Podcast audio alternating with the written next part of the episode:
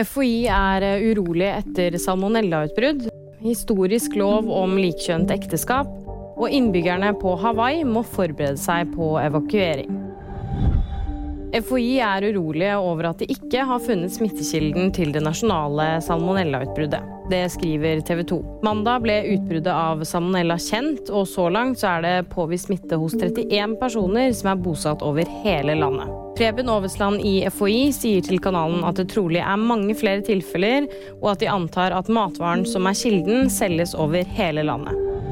Senatet vedtok tirsdag en lov som beskytter likekjønnet ekteskap i USA. Dermed er Høyesterett forhindret fra å avskaffe retten til likekjønnet ekteskap, slik som de gjorde tidligere i år med retten til abort.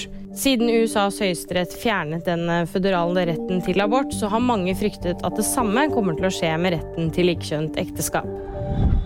Natt til onsdag er det oppdaget to nye strømmer med lava fra vulkanutbruddet på Hawaii. Utbruddet fra vulkanen Mauna Lona er det første på nær 40 år. Utbruddet har foreløpig ikke ført til umiddelbar fare for de nærliggende byene, men myndighetene advarer nå innbyggerne i nærheten om å være klare til å evakuere på kort varsel.